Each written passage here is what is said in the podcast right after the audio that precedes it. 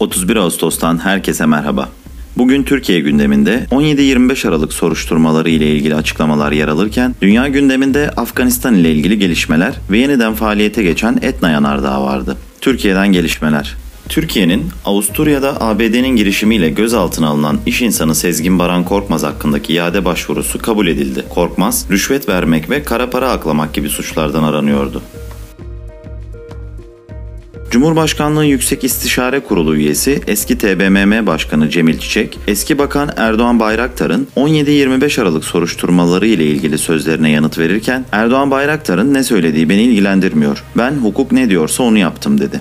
17-25 Aralık soruşturması sırasında istifa eden eski Çevre ve Şehircilik Bakanı Erdoğan Bayraktar, "Benim çocuklarımdan tutuklanan olmadı. Benim dosyamdan kimse tutuklanmadı. Dosyamda Cemil Çiçek yalvardı onlara. Çiçek de beni sevmez. Erdoğan'ın adamı olduğum için. Çiçek, Erdoğan dosyasını buna sokmayın. Bu ayıptır. Onların dosyası başka, bunun dosyası başka demişti, dedi. CHP Genel Başkan Yardımcısı Veli Ağbaba, Bayraktar'ın dosyamda ne varsa hem tapeler hem teknik takip doğrudur açıklamalarının itiraf niteliğinde olduğunu söyledi. Bayraktar, beni şimdi attılar. Reis, Sayın Cumhurbaşkanım beni hırsız çuvalının içine koydu ve attı ifadelerini kullanmıştı. AK Parti'nin kurucuları arasında yer alan eski Kırıkkale Milletvekili Kemal Albayrak, eski Çevre ve Şehircilik Bakanı Erdoğan Bayraktar'ın 17-25 Aralık süreciyle ilgili açıklamaları hakkında bu partide görev alanların %90'ı ileride itirafçı olacak dedi.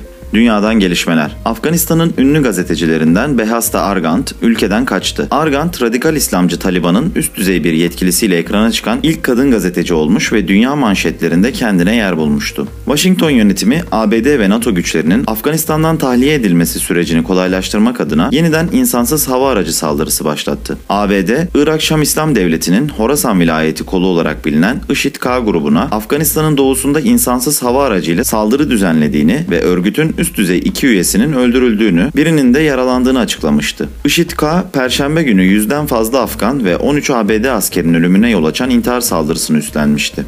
ABD'nin dün Afganistan'da insansız hava aracıyla düzenlediği ve bir intihar saldırganını hedef alan saldırısında aynı aileden 10 kişinin öldüğü belirtildi. Ailenin saldırıdan sağ kurtulan yakınlarının BBC'ye verdiği bilgiye göre ailenin evinin önüne park edilmiş haldeki araç havaya uçtuğunda aralarında 6 çocuğun da bulunduğu 10 kişi hayatını kaybetti.